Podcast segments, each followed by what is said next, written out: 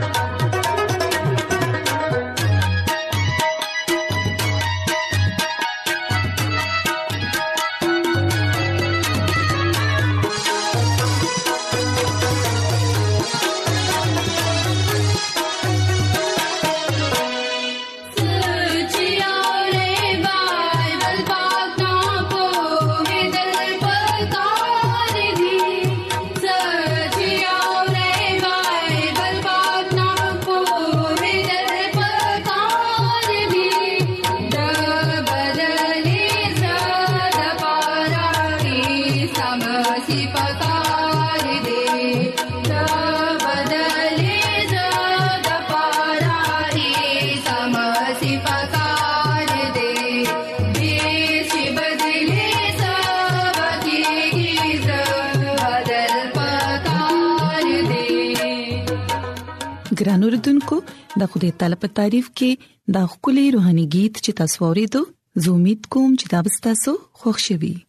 او تاسو به روحاني خوشحالي هم حاصل کړئ اوس دا وخت دی چې د خاندانی طرز ژوند پروګرام فیملی لایف سټایل ستاسو په خدمت کې وړاندې کړو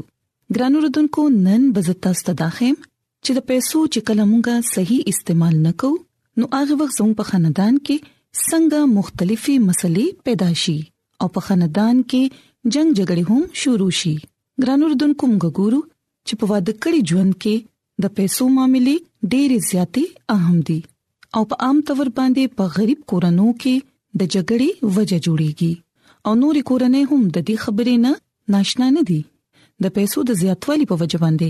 پاغي کې د پیسو مسلې زیاتې نه پیدا کیږي ګران اردوونکو دلته کې په مزغو کې ساتلو ول خبره ده ده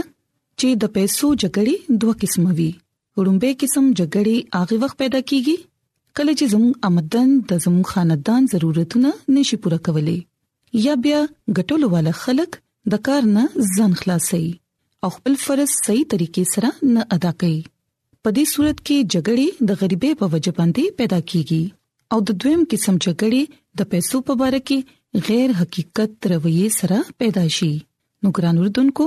نن بز تاسو ته داخم چې تاسو څنګه دا جګړې ختمول شي د ماهرین رائے دادا چې د پیسو په معاملې کې هر ود کړی خزخاون ته په یو څو بنیادی اصولونو باندې عمل کول پکار دي او په خپلو کې په دې باندې خبرې کول پکار دي او ښه خبره ده چې هر واده کړي خلک دي خپل وسیلې او ضرورتونه خپل مخ کې کیږي او یو ورکوټي شان ساده شان بجټ دی تیار کړي خو بیا هم د بجټ جوړولو نه زیات اهم خبره رویه او بهمي مفاهمت یعنی یو بل سره خبرې کول دي د دې وجدا ده چې وسیلې زیاتې دي او په خزه خاوند کې د یو کس رویه د خرچونو په باره کې غیر محتاط وي یعنی هغه د پیسې خرج کولو وخت کې احتیاط نه کوي نو بیا د دې لپاره مشکلات پیدا کیدي شي موږ ګورو چې زموږ دلته نوې واده کړي خزخاون د دې یو لوی تعداد د خپل خواهشونو پسې منډه وخی او بیا د خپل وسنه دی زیات رقم خرج کول کې لګیا وی او دا خزه خاون د ژوند ټول اسایشونه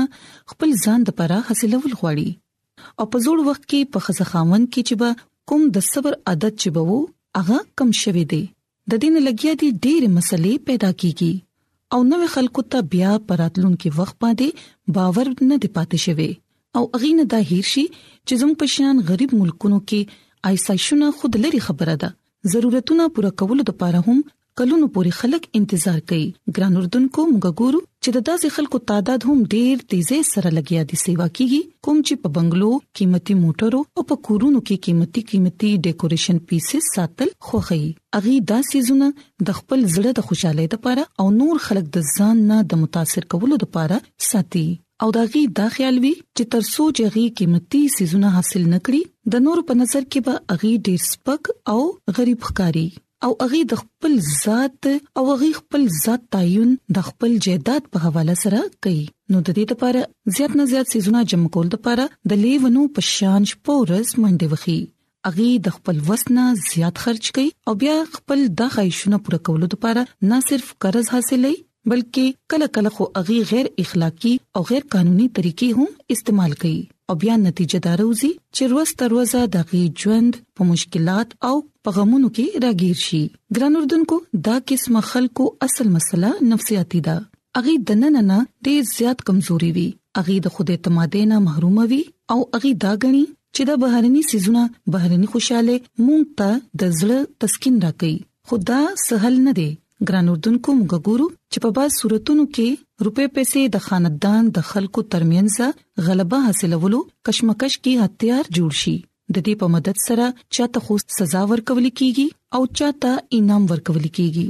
ګران اردوونکو کله کله سړی چې دی اغي په کور کې سجګړې په وجه باندې د خزینه خپشي او پیسې پاغي باندې بند کی یا بیا د کور د خرج لپاره کمې پیسې ورکول شروع کی زموږ دلته کې داسې خاوندان هم ډیر زیات تعداد کې دي کوم چې خپل خزو ته خپل اصل آمدنی نه خي او اغي داغینه اصل پیسې پټي ساتي او بیا هر میاش د کورنۍ خرچو لپاره یو مقرر رقم د خزې په لاس کې کیږي او بیا دا غواړي چې خزه دې د دې پیسو دننه د کور خرچه اوچلې ګران اردوونکو یاد ساتئ چې په ود کړي ژوند کې سر اوچتولو والا مالی جګړو کې د اکثر تعلق هم دې خبرې سره دی چې د کور خرچه به د چا پلاس کې یا د چا په اختیار کې پکار ده په روایتي تور باندې خو سړی دا اختیار ځان سره ساتل غواړي خو بازي خزي د خرچي منصوبه بندي ډېر په خشن باندې کولی شي خو بیا هم دا د هر کور خپل مسله ده چې اغي څنګه د پیسو معاملې به تر طریقې سره حل کول شي ګران اردوونکو یاد ساتئ چې تاسو د پیسو د جګړو نه کو بچ کېدل غواړئ نو بیا میانه روي اختیار کړئ خپل او د خپل ملګری ضرورتونه مخکې کېږئ او بیا د خپل وس مطابق هغه پوره کړئ دا اصول م جوړوي چې مالی اختیار به صرف د خاون سره پکار دی یا بیا د خزي سره دا اختیار په دوانو کې د هغه کس سره پکار دی کوم چې مزاج او تربيت په لحاظ سره دا قسمه اختیار زیات بهتره طریقې سره استعمالول شي د دین علاوه د واده په وخت باندې د پیسو په معاملې کې ناوي او د واده هلک د دوه مزاج تجربه او پس منظر د یو بل نه مختلفه وي نو د دې لپاره د واده په شورو هفتو کې دوانو ته په دې مسلې باندې یو بل سره په کله وزړه خبرې کول پکار دي او خپل ماحول او بیا وسیلې مخامخ کېږي او یو څو بنیادی اصول جوړ کړي ګران اردوونکو موږ ګورو چې اصول ماحول وسایل او ضرورتونه همیشه بدليږي نو د دې لپاره خزه خاوند دوانو ته پکار دي چې د بدلیدو وخت په مطابق خپل ژوند دې تیر کړي او بیا خپل ټولې مسلې دې حل کړي په اخر کې به زه تاسو ته دا ویل غواړم چې د خوده خادمه مسز ایلن جی وایټ په خپل کتاب د شفا په چشمه کې مونږ ته دا خبره خای چې روپې پیسې یا د جیدات نه خمیراس کوم چې تاسو خپل ماشومان ته ورکولې شي هغه دې صحتمند بدن تندرست ذهن او شریفانه کردار کوم خلک چې دا غني چې د ژوند کامیابې انحصار په کوم سیس باندې دی اغي په ژوند کې کامیاب انسان جوړې دي شي نو ګران اردوونکو د خوده خادمه مقتدا خبره خي چې موږ ته پیسې خپل ملکیت نه دي ګڼل پکار بلکې کوم نعمتونه چې خوده تعالی موږ ترا کړی دي خاندان په شان نعمت د ماشومان په شان نعمت او د صحت په شان نعمت د دینه موږ ته خوند اوچتول پکار دي ولی پیسې خو تلو راتلو ول سیس دي نو د دې لپاره په پیسو باندې جنگ جګړه کول سره چره هم خپل خاندان تاسو مخه پکوي نو ګرانو ردوونکو زه امید کوم چې تاسو به نن خبرې خامخا خوښی شوي او د نن په خبرو باندې عمل کول سره به تاسو یو خوشگوار ژوند تیرول شي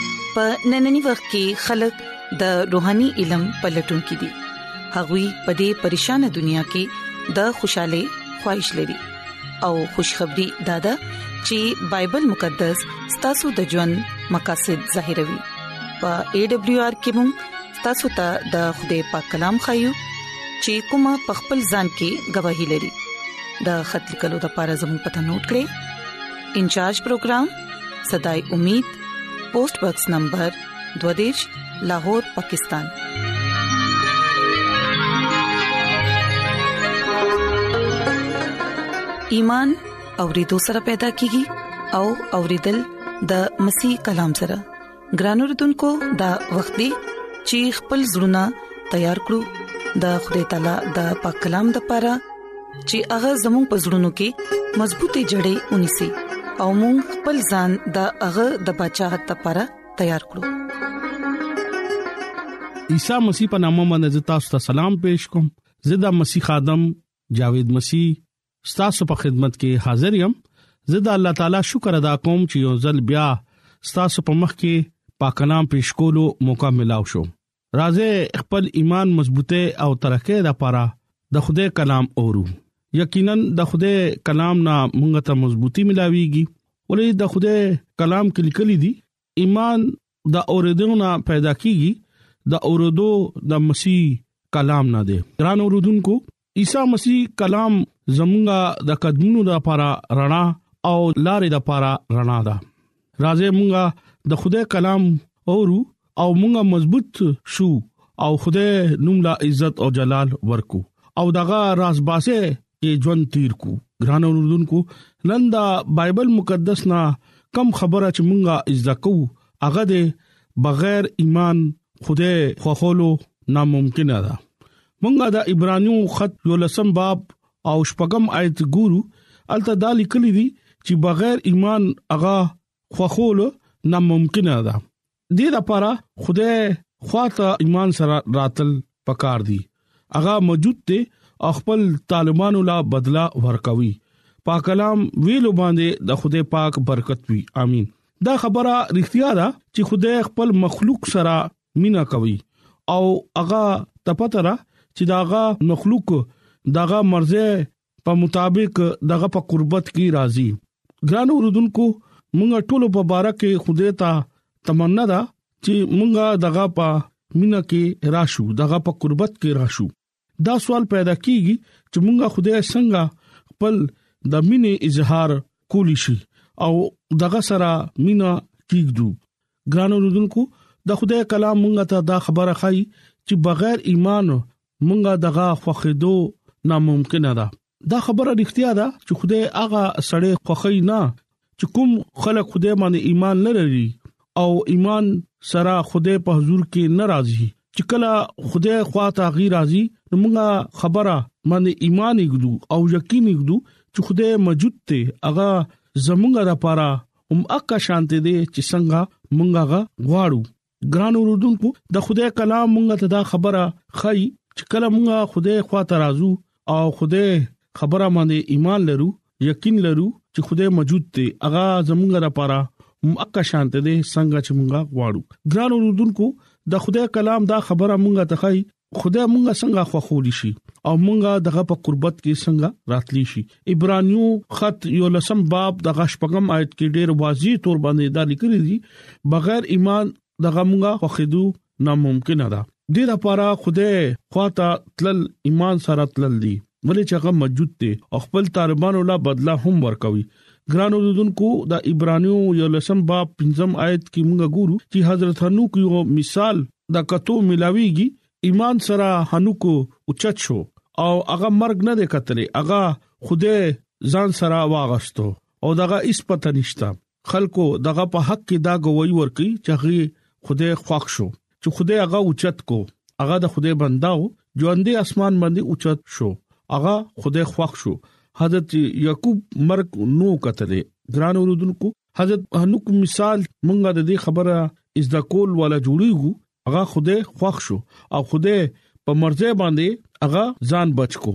خدای خوخولو ناممکن ده انسان چې دی هغه ګناګار دی او خدای ډیر زیات پاک هستی ده او خدای انسان نه څنګه خوشاله شي خدای څنګه انسان سره راضي شي خدای انسان څنګه خوښ کی هغه ګناګار دی کمزور دی انسان کله نه کله خدای خوخی او چې څه هغه کوي ګران اوردونکو ډیر خلک دا سوچ لري چې دا خدای کلام دا خبره مونږه تخای چې خدای مونږه خوخول شي او مونږه غا خوشالول شو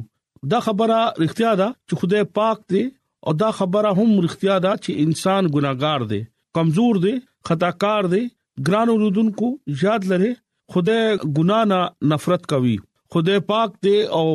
دې لپاره خدای ګناه کتی نشي سو خدای ګناګار انسان سره مینا اظهار هم کوي مونږه دا خبره ګورو چې خدای خپل زوی عیسی مسیح په دې دنیا ته هغه اولې غلو چې کوم خلک پاغه باندې با ایمان وروړي مړکیږي بنا دا همیشا ژوند به اخلي دا خدای کلام موږ ته دا خبره خای خدای اغي خوخی چې کوم خلک هغه سره خوشحالي کوي کوم خلک هغه سره رضا وي کوم خلک هغه قبولوي ایمان سره خدای حضور کې راشه او پاغه باندې مکمل یقین لره دغه ذات او دغه حضوره کې او دغه کلام باندې شک مکوي ګران اوردونکو د خدای خادمه مس ایلن جی وایټ هنوک بارک خپل کتاب قدیمی بزرگ انبیا او صفه نمبر 15 او یا کې دا خبره لیکلې ده چې دغه زړه د خدای په مرزه په مطابق وو ولی چې هغه دو سړي چې یو زه متفق نشي یو زه روان دي نشي پاکیزګي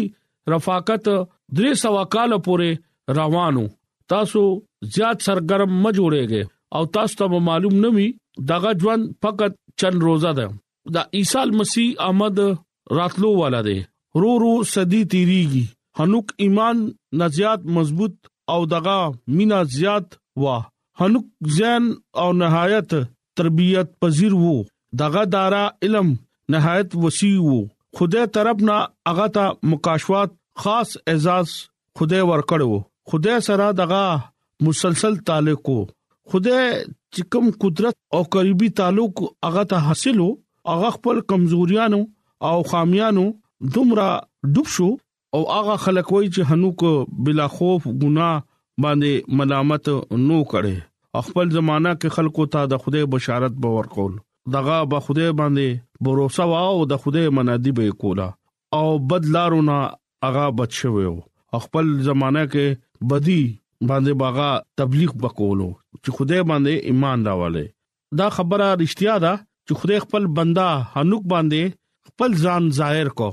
خپل کلام پاغه باندې ظاهر کو خپل قربت پاغه باندې وبخو حضرت هنوک خدای باندې ایمان وروړو خدای سره وفادار پاتې شو او خدای خپل بنده هنو کوکتو بد زمانه کې هم هغه وفادارو او هغه خپل بدینا ځان لره کړو کلام مقدس مونږ ته وایي چې خدای هغه خوخ کو او خپل بندا یورز هغه ژوندې اوچت کو خدای حضرت داوود چې او هغه هم د خدای خوښ شوی و هغه د خدای زلب نږدې رالو او خپل بندا داوود خدای ډیر زیات عزیز کو او ډیر خوښ شو خدای اسرائیل نه مخکې بچا چې کوم ساول وو هغه نا خوښ شوی و ساول اولنې کتاب دغه سوار لسم آیت او شپږم آیت کې لیکل دي خدای سامبل تا وایي چې دغه چهره دغه قد بلندي ما نه ده کتلې ولی چې زه هغه نه خوخوم خو د انسان په معنی د نظر نه کوي د دې لپاره انسان ظاهري صورت تګوري لکه خدای زړه باندې نظر اچوي ګران اوردونکو د خدای کلام موږ ته دا خبره خایي چې خدای هغه خلکو نه خوخي چې کوم زړه نه خدای نه لري وي دغه پزله کې خدای خوف نه وي او خدای باندې مکمل ایمان باور نه یګدي ګرانو رودونکو متی انجیل اتم باب او پنځه کم دیش آیت کې موږ ډېر واضح طریقې باندې دا خبره ګورو چې کثرت ژوند عیسی مسیح باندې ده او متی انجیل اتم باب او د لسم آیت کې ګورو چې یو رومي صوبیدار غیر کوم نه وو او خپل نوکر لا شفا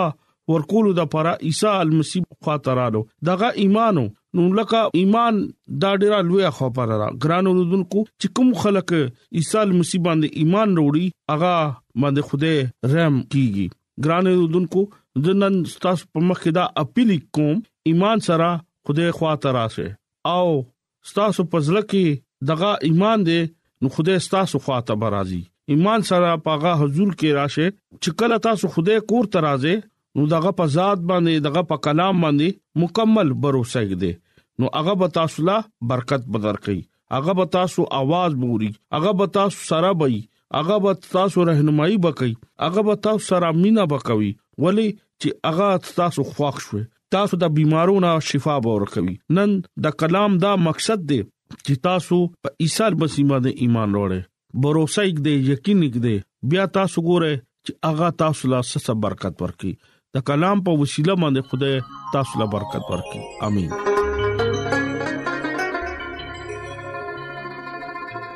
راځي چې دعا وغوړو اے زمونږ خدای مونږ ستاسو شکر گزار یو چې ستاسو د بندا په وجه باندې ستاسو په کلام غوورې دو مونږ لا توفیق راکړي چې مونږ دا کلام په خپل زړونو کې وساتو او وفادار سره ستاسو حکمونه ومنو او خپل ځان ستاسو د بدشاہت لپاره تیار کړو زه د خپل ټولو ګران وردونکو لپاره دعا کوم کو چرپاغوي کې سګ بيمار وي پریشان وي یا په سمصيبت کې وي دا غوي ټول مشکلات لری کړی د هر څه د عیسی المسی پنامه باندې غواړم امين د ایڈونچر ورلد رادیو لړغا پروگرام صداي امید تاسو ته ورانده کړی شو مونږه امید لرو چې تاسو به زموږ نننې پروګرام خوښیوي ګران اردوونکو مونږه دا غواړو چې تاسو مونږ ته خاطري کې او خپل قیمتي رائے مونږ ته ولي کې ترڅو تاسو د مشورو په ذریعہ باندې مونږ خپل پروګرام نور هم بهتر کړو او تاسو د دې پروګرام په حق لباندي خپل مرګرو ته او خپل خپلوان ته هم وایي خپل کلو د پاره زموږه پتا ده انچارج پروگرام صداي امید پوسټ باکس نمبر 22 لاهور پاکستان ګران اردوونکو تاسو زموږ پروگرام د انټرنیټ په ذریعہ باندې هم اوريدي شئ زموږه ویب سټ د www.awr.org